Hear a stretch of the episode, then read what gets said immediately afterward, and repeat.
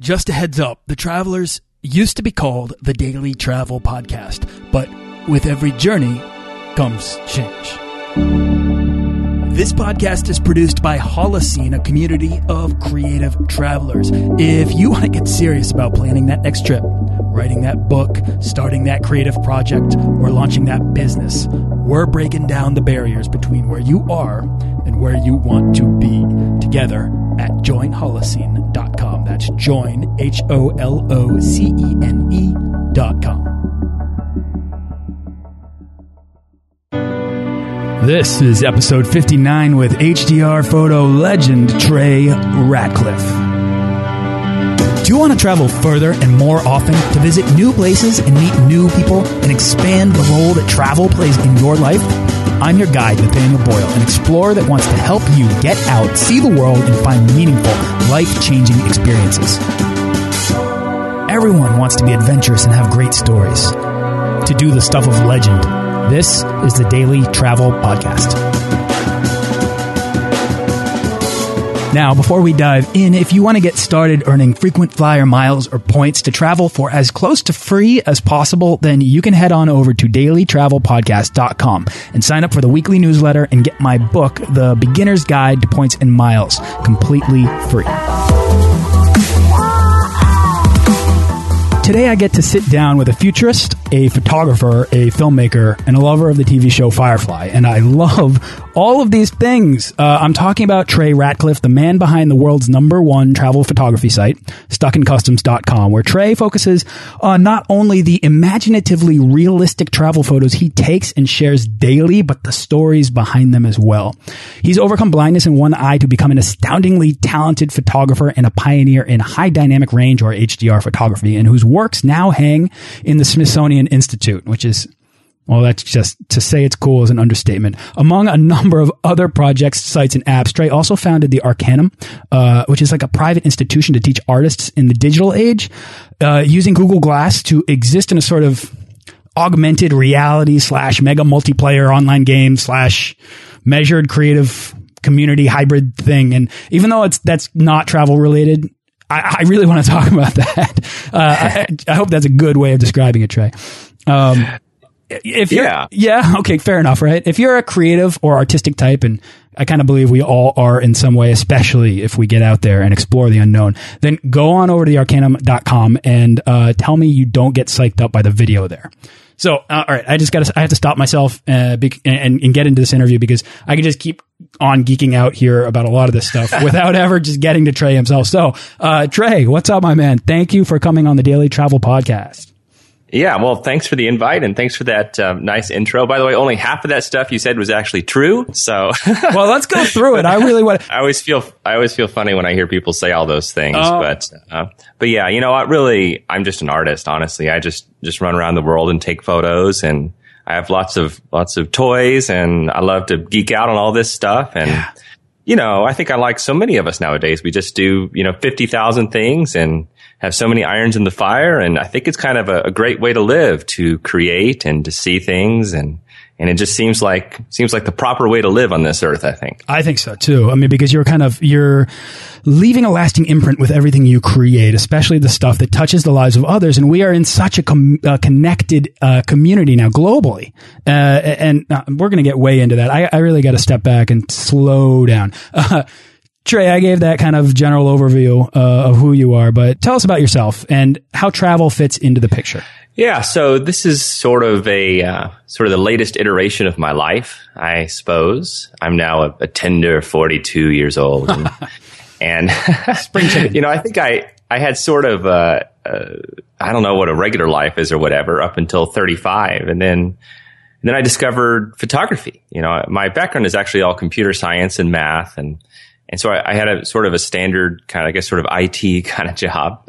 I was entrepreneurial and had a few different businesses, but still, you know, it's kind of thing where you go into an office, I guess. And so then I discovered photography and it just really had this wonderful resonance and vibration with my life. And I was traveling a bit for work and I would go out on the weekends or at night and take photos and I would just get lost and time would just slip away like mist in the morning and I thought, oh, you know, I think when you're losing track of time, you're really living. And so over time, I just ended up integrating photography and travel into the main course of my life. And that kind of brings me to this current iteration of myself, I guess.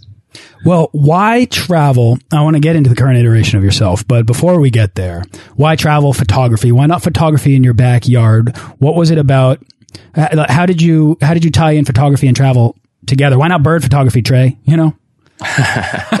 well, you know, when you travel and you see things either out of context or almost like a parallel universe, you see some sense of the truth and I find it to be like a, a, wonderfully delicate and gentle challenge to try to capture that truth with a camera. Because, you know, when you travel and you see, I don't know, let's say you're just in a foreign land, all right, and you're kind of uncomfortable, you don't know what's going on. But then you see like little kids in uniform running off to school in the morning. And this thinks, oh, you know, is it this, this wonderful that in this totally parallel universe that little kids still run off to school in the morning wearing little uniforms and they look cute? and you think, ah, you know, this is so, this is so wonderful. And it just makes sense to you and it makes you kind of have faith in, in everyone on earth. And you kind of just, you just feel nice. You feel happy. You can't explain it because there is the shape of a truth there. And so I feel that. Then I think, oh, well, how could I actually capture this and kind of make time stand still? So that's, that's kind of one of the undercurrents that drives the art. Absolutely. You know, I've spoken to painters on this show, travel painters, people who are kind of going across different countries and, and taking their time to really kind of take it in, paint it, and, and appreciate it. I like to write. I'm I'm I'm a creative writer, um, and I can draw, but uh, you know I prefer photography to capture my memories.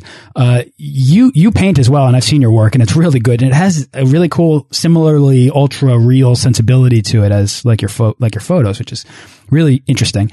Um, I wish everyone, Trey, were taught to draw in the same way that, that we're all taught to write because when you take the time to draw something, I kind of think you begin to understand it better. You know, you begin to understand not just that you like it, but precisely why you like it. Um, and would you say this applies to photography or your photography as well? It definitely does. And I think luckily now the billions of people on earth are going through a, a photo re-education because now that everyone has cell phones or cameras are pretty cheap, um, everyone is learning to take photos and there is a uh, sort of a uh, photography literacy that's uh, coming into its own now because what happens, you know, when you travel or you're anywhere, you know, you're surrounded by the world. There's, you know, 360 degrees, a, a full sphere of activity all around you. And when you draw, like you said, if you have a sketch pad, you choose one thing to draw and you really focus on the lines and the, the shapes that are there. But the same thing happens with the camera because if you have to reduce the entire world to something that fits into a, a rectangle, you think, okay, what's, what's the most interesting rectangle around me right now? What, what little rectangle around me represents the entirety of what this is about? So that's a, it's a wonderful artistic challenge. And then taking that photo, of course, you do it for yourself. You do this stuff largely for yourself, but then, you know, uh, taking photos, photography is such a lonely thing. You know, we're very lonely people, and you, you, have the sense to need to connect with uh, the other people on Earth. So then you then you share that photo, and you know you're honored if people look at the photo for just a few seconds. It's an extra honor if they look at it for even longer nowadays. And so if you can communicate um, the sense of a place, the truth of a place, or something interesting, the feeling of it through a photo to other people that aren't there, this is uh, this is a wonderful thing. Sure. I mean, travel stories I find are often very, very personal. For instance, if you if you go somewhere and you experience a culture, you experience even just a landscape or something, you know, maybe it's just a lake in Malawi, and then you run into somebody from Malawi on the other side of the planet, and you say, Oh, I've been there and I've been to Lake Malawi, immediately you've cut out all the small talk and you're making a personal connection to somebody because you're relating to their home. Uh, and for people to be able to do that now, connected uh, in in travel photography, it's, it's very cool. There's a quote um, by Alain de Botton from The Art of Travel, and it's uh, it goes: the dominant impulse on encountering beauty is to wish to hold on to it, to possess it, and give it weight in one's life. And there's an urge to say, "I saw this, and it mattered to me," and to be able to to possess everything you encounter now because we have HDR cameras on our iPhones in our pockets. uh, and to fold it into yourself, into your status, it, it, really has sort of exploded travel photography and our ability to relate and connect to each other in a way that is making culture and different people, the other, more accessible than ever before. Yeah, I notice um, people taking photos when they travel. I, you know, I'm I feel like a sociologist at times, watching people with various kinds of cameras, just seeing what they take photos of, and watching what groups do and how they copy each other. And there tend to be two kinds of people. I'm sure you you and people listening have seen these kind of people. There's like the collectors. You know, there's the ones that just I got to go get this photo from this position because that's the place to stand, and then I've collected it. I have it. It's almost like playing, you know, roadside bingo when you're a kid. You know, there's a, there's a woodpecker on a mailbox. I can check that off. So what happens is, you know, to me, this is not really, um, fully traveling or like fully living with your camera because, um, there's no like creative process in this. And I think like if you actually get into a, a, creative process of coming up with an interesting photo or something that's meaningful for you. You find something tiny, you find a detail, you find a nice angle, you're exploring off, you're someplace that you're probably never meant to go. And if you're able to get a picture of, of, the feeling of this place, this is, this is much more interesting. It's more challenging. It's not as, as easy. You can just go for the layups all day. And I think about this a lot with, um, I was just in China for about three weeks and, you know, photography is really caught on there in, in China and uh, you see DSLRs everywhere. But you know, there, I would say the average Chinese photographer is way worse than the average Western photographer in terms of creativity because they all absolutely just line up and just take the photos and there's very little creative thought even even happening. And they are really absolutely just collectors. They just jump from place to place to place to collect these photos and I don't even think they're collecting them for themselves. I think they're collecting them, them to show other people that they've been to these places, right. which seems to be one of the worst reasons to take. right. Right. Well, you know, what's really interesting because that's going to be a, a drastic cultural difference between maybe Western photographers and Chinese photographers. I won't say Eastern, but, um, Trey, on your, on your website in the about page, it says, my background is in computer science and math, so I bring an algorithm like process to capturing the scene in such a way that it evokes memories in a palpable manner, whatever that means. So wait, what does that mean? I want to talk about that. That's a really cool sentence to me. What is an algorithm like process and how can you apply that to your photography when you're trying to capture uh, actual memories? Yeah, so we can get a little technical here yeah, about please. the actual production of the photos because, and this goes back to when I first started. I, I had a good camera and I was at a, a beautiful place and I, I, think I was actually at home in, in Lake in Austin, and there's this pretty bridge on Highway 360, and uh, it was a beautiful sunset. So I took a photo, and then I thought, oh, okay, you know, I got a good camera, and go back and look at the photo. So I pulled it up on my computer. I was like, oh god, it's so boring. What the heck? Right. You know, it was so beautiful in real life, but even with this good camera, the photo's so boring. Like taking a picture of the moon with your phone. Yeah. I was like, did I have the wrong settings? What was wrong? And, you know, I never took a photography class. I never read a book on it. And so I went into it with eyes wide open and I was so disappointed. So then I thought, well, you know, what's really happening is that your eye can see so much more than the sensor of a camera. It's just so much more sensitive. So I thought, well, maybe we can bend it around so that we can make the final photo look like it actually does when you're there. So I started looking into this new process called HDR or high dynamic range. Now everyone knows what it is, but you know, eight years ago, no one knew what the heck it was. And there were these white papers out of MIT and stuff and some algorithms. So then I realized that, you know, this photo that you take is just really a, a pile of data. It's a pile of light based data. And so you take multiple photos of the scene, basically. This is the technique. You take a dark photo, like with a quick shutter speed, a normal photo, and a long photo, a long, when the shutter's open a long time. And so when the shutter's open a long time, all the shadows have the right amount of light, but the bright areas are blown out. And in the quick photo, with the fast shutter speed, um, the bright areas are perfectly lit. So what happens, you combine all these photos into one, kind of one ring to rule them all using a special um, piece of, we have a tutorial, a free tutorial on, on stuckincustoms.com and I'll HDR. Link to it. I'll link to it. Great. Yeah. And it, basically what it does is the final photo then is so surprising when you see it and it kind of short circuits its way into people's brains and makes them feel like they might actually really be there. So it's sort of this cool process that, uh, that surprises and delights.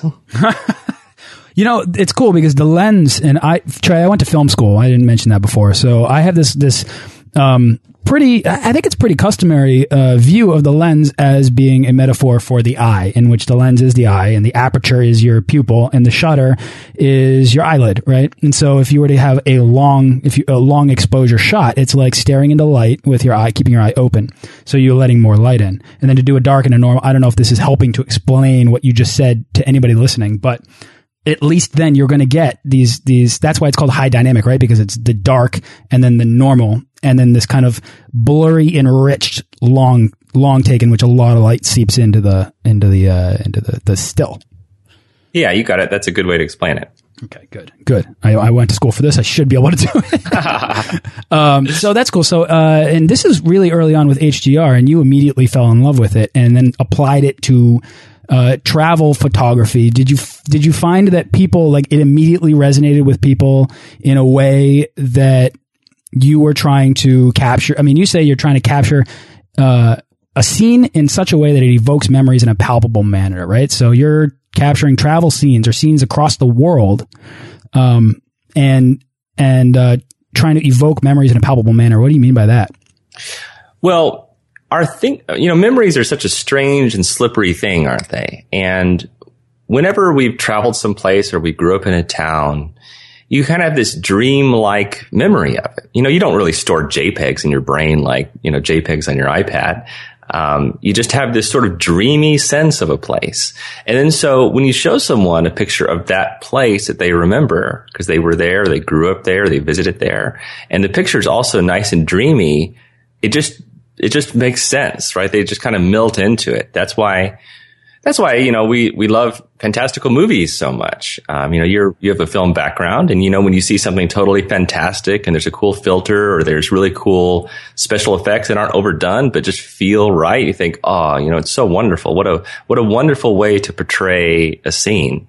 Yeah. And so that's what I like to do in my photos. I like to ride this this thin veil between fantasy and reality, but just stay just barely on the real side so that people can accept it. But I like, I like getting into that part of the of the memory. I think it's uh, it's an elusive thing, and it's the area I like to play in. You know, I said imaginatively realistic photos in my intro to you, but maybe it's more like magically realistic photos.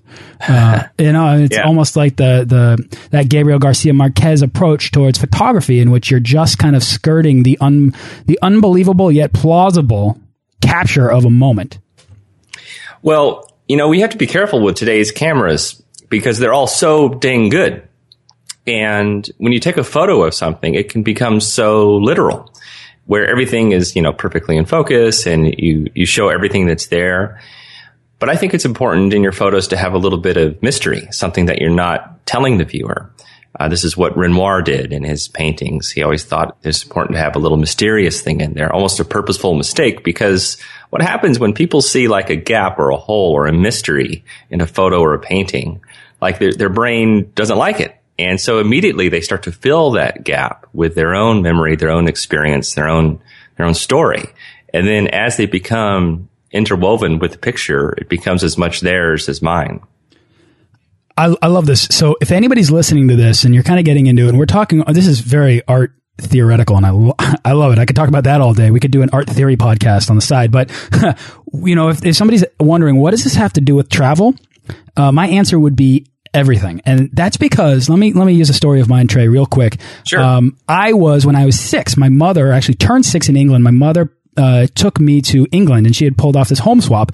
We stayed in this castle. Okay. And I was a very young, impressionable kid. And reality at the age of six is kind of forming around you as you begin to kind of understand uh, understand your relationship to the outside world. And so there I am in England at this castle that has crumbling, uh, crumbling walls and suits of armor, a whole room of Legos, all this amazing stuff. And now today I have these memories that I can't quite put together. I don't have, I couldn't tell you exactly what they were, but I can feel the castle inside of me. And there's this castle somewhere now in the north of England that exists and that I hope to get back to someday, but I'm not sure. And, but I'll always think about and I'll always have this understanding, this relationship between the, the, the, the memories of being there and the experience. And there's a disconnect there. And in that, I fill those gaps with my imagination. And you know, if I were to return to that castle now, it would probably be a quarter of the size as I remember it because I'm four times bigger or maybe, maybe yeah. even, maybe even larger than that. And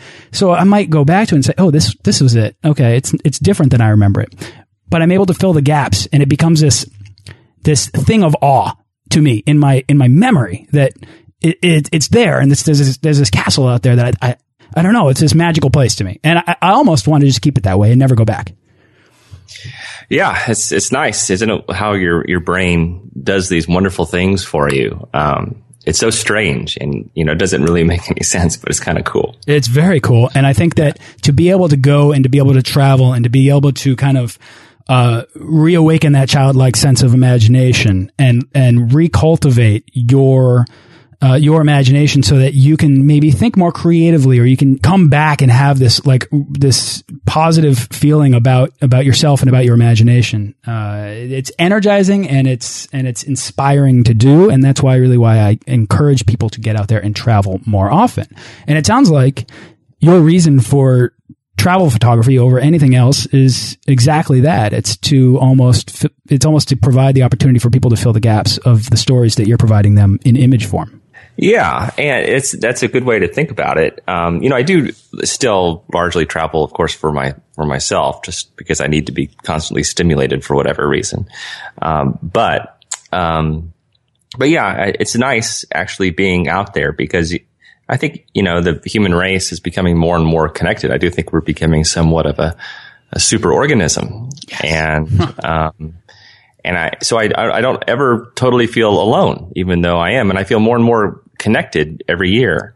Uh, you know, thanks to the internet and social networks and and everything else. And I think um, it's all just going in one direction. And I think it won't be that long till we're all wearing, you know, um, uh, sort of head mounted or uh, you know cameras where we can connect to the internet anytime and do live shared vision. And and so um, yeah, I think it's it's all just going in one direction. There's no doubt about it. I'm right. I'm right there with you. I mean, whether that's uh, Google Glass or something more advanced that we can't understand, or it's a contact lens that projects and uh, and captures at the same time. And technology is moving at this rapid pace, this kind of sort of exponential pace on a, on a daily basis, and it's it's amazing to see the changes in technology and in communication and connectivity for us across across the globe. And uh, uh, yeah, this this is why I wanted to kind of geek out, and a big time is why I wanted to talk about sort of the future of Trey Ratcliff, or maybe we should could call it the Arcanum or whatever whatever uh, it is uh, for you. But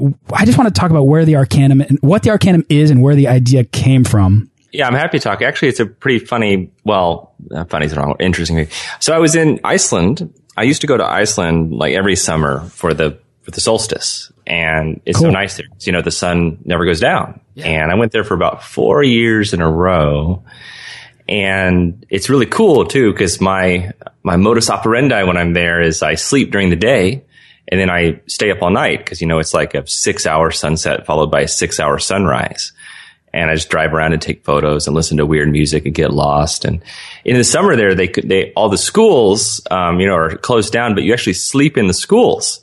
Um, they turn them into hotels. So it's weird. You sleep in the middle of the day in these classrooms and then go out all night. It's all, it's all just weird. But anyway, so I was, it was about 3 a.m. and I was driving around up in the, in the fjords up in the Northwest, taking photos, listening to weird music. And that's when the idea for the Arcanum came to me. I was also listening to uh, one of my favorite books called uh, The Name of the Wind by Patrick Rothfuss. And any of my friends that read this book, um, they immediately level up as my friends. Huh. It's wonderful. I'm gonna check that out. Uh, and if you're a fan of Firefly, you'll definitely like these oh, books, wow. even okay. though it's a slightly different genre. So, what is the Arcanum? Well, basically, it's a network of masters and apprentices all of whom are engaging in teaching one another. In fact, it's a self-replicating network where a master might have 20 apprentices and these apprentices level up. It's almost, if you can imagine a Harry Potter Hogwarts, right? But all online, everyone interconnected and you have your master and of the 20 apprentices, they all level up at different rates. It's all very self-paced. But some of these apprentices will become so good that they might want to become masters of their own and take on another batch of apprentices.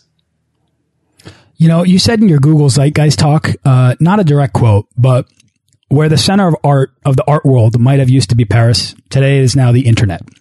Um, and I, I, think that that's so true, and that it, that the internet is now something that we can wear on ourselves and project in front of us and interact with and connect with. And then you also have mentioned, uh, maybe on your about page as well, somewhere, this concept of digitally extending your natural self.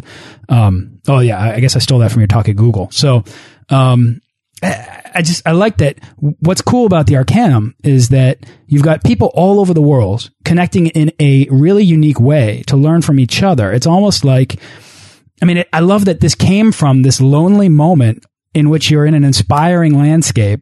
Obviously, you've kind of untethered yourself from from normal reality and you're and you're in this place that you're already kind of maybe slightly whacked out because the sun's not going down and you're thinking perhaps perhaps more creatively because you're in a new environment uh, evoking your imagination and then this cool idea comes to you about connecting people through the really age old relationship of mastermind of master and apprentice uh, and, yes. and it's cool that you're taking this this digital ability to extend your natural self and pushing connectivity beyond borders in order to help people connect. Well, that's that's the basic idea, and I think kind of the wonderful thing about it is that we we plan to disrupt and kind of reinvent all of education if possible. Now we're getting started with just photography, um, some you know hand drawn art, and a few of these things. But the general idea is that people are sitting around with tremendously valuable knowledge in their heads. There's just not a good system to get it out to everybody. And if you look at existing systems, they really don't work. You know, uh, brick and mortar systems work in a, in a few different ways. Um, but the current kind of educational solution online has been for people, like let's just take photography, for example. People will make videos, right? And then they'll upload the videos to YouTube or maybe to something like lynda.com where you have to pay $30 a month. And then someone who wants to learn goes there and they pay $30 a month and then they have access to thousands of videos. But you know, you're just disconnected from humans. It's just, it's actually a very inhuman way to learn.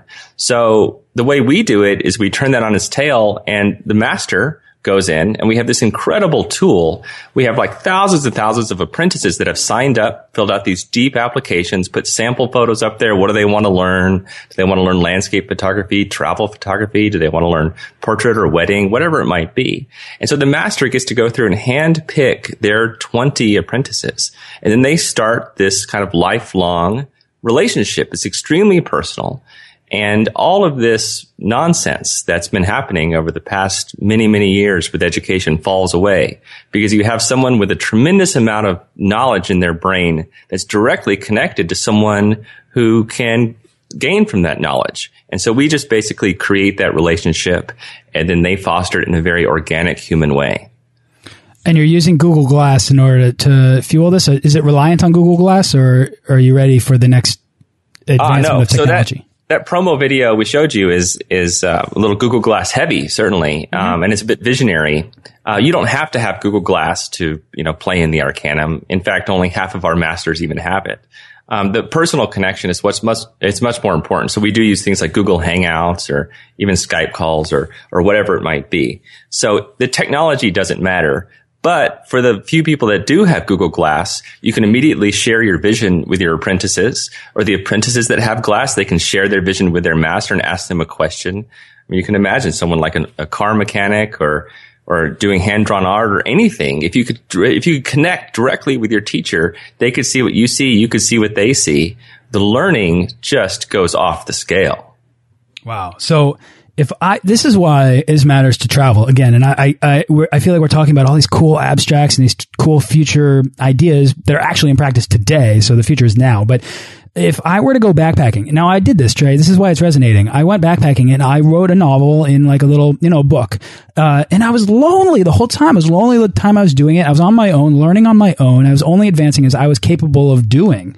Um, loneliness is like, it's a necessity and a curse for any creative who wants to express themselves, right? From the depths of themselves. But, but they also, creatives, I think, also rely on the positive encouragement of having people who care and are listening to them, right? So if I were to go backpacking or traveling, even if it's for three days, three years, you know, to be able to work on something, uh, a novel, a series of paintings, photography, uh, a photography series, and to be able to connect with other people anywhere in the world who are also doing that and not just connect with them, but learn from them and improve on what I'm working on. If you're going out and you're traveling and you're considering doing something creative on the side while you have all of this free time, I think the Arcanum is really like one of these opportunities that's out there now and that never existed before. Uh, that could make your journey that much more fulfilling because everywhere you go, there's new people just waiting to be discovered. Yeah, absolutely. I think it'll really change. Uh, you know, it's great artistically and uh, educationally, but I think financially it'll be great for a lot of people too because I'm convinced that the knowledge that's sitting there inside people's brains is extremely valuable. And there's lots of people that would pay to have personalized access to it. And so really we haven't created anything new. We've just synthesized pieces that are already out there. And so once we create the network, um, you know, there's a, there's a payment system and all this kind of stuff that's involved. But then I think people could just travel around and it doesn't matter where the, the only thing that matters is that they have their brain with them and they always do. Their, their body can be anywhere. And so I think it's going to be a pretty, pretty cool way for people to, uh, to get some, you know, extra money or like fund their whole life with it.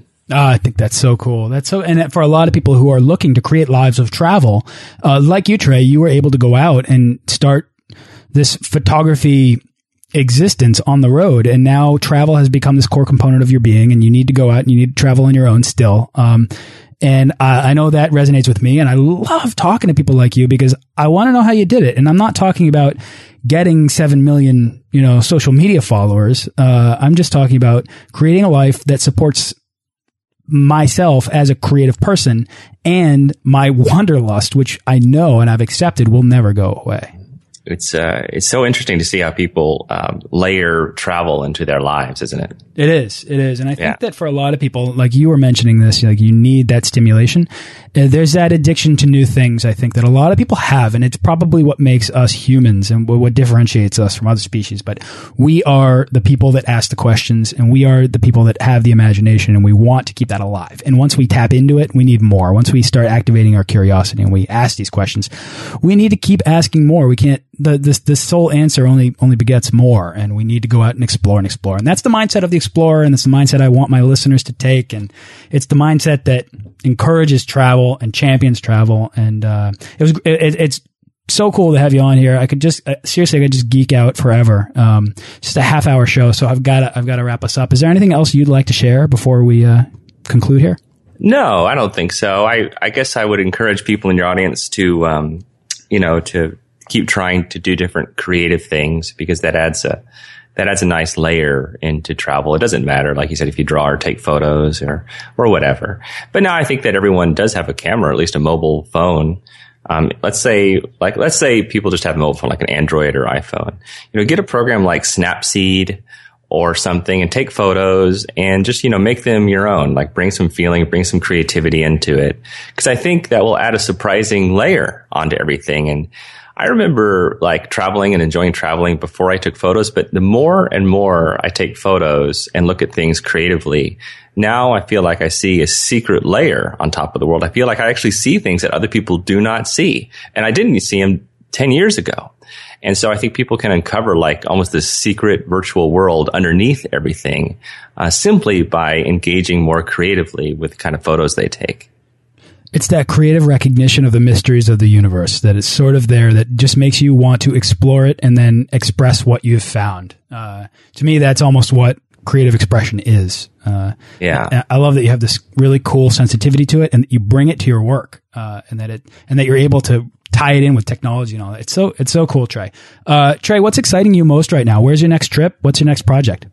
Okay, well, actually, I have a family trip coming up. Oh, cool. Uh, which is good. You know, I have a wife and three kids. Um, there, we have a younger one who's five, but we also have an eight and a 13 year old. So we're going to Bora Bora. That'll be a nice little trip. Um, kind of get away from some of the coldness down here in New Zealand, um, which comes around uh, the winter time. It gets real cold. Yeah, and then I'm going to uh, to Yellowstone for a bit. I'm going to this really cool private ranch there. You have to ride a horse for three hours to get there. It's the only private ranch in all of Yellowstone. Cool. Wow. And then um, I'm going to Bangkok for a bit. Um, oh, and then we have a we do these big uh, photo workshops every year, sort of these um, you know uh, photography adventure workshops, and we have a, a big one this year in Namibia and Botswana. Um, so that's going to be that's going to be a fun time.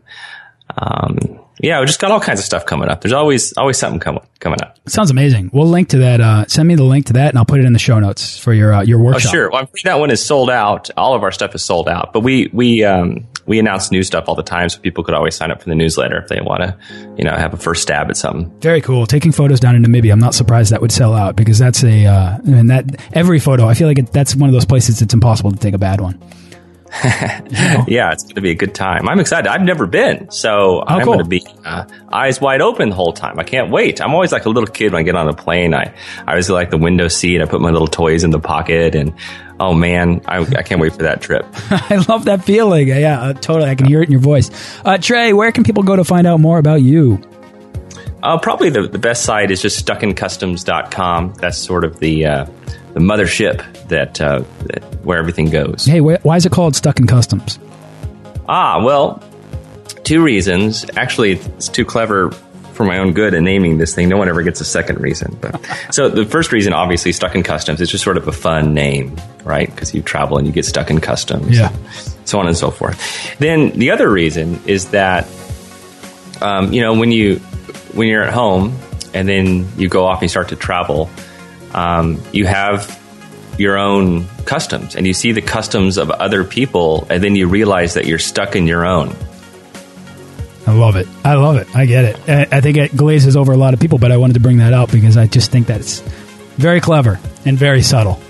Oh. well, probably too subtle. No one ever gets it. But anyway, it is what it is. Good. So then we're changing we're changing perspectives right here on this show. Trey Ratcliff, thank you so much for coming on the show. I appreciate you taking your time to be here. Yeah, thank you, man. I enjoyed it. Thanks for listening to this episode of the Daily Travel Podcast. For show notes and links to everything in this episode and more, head on over to dailytravelpodcast.com. Join our Facebook page of explorers and subscribe to our newsletter for the best deals and resources to help make your next trip life changing.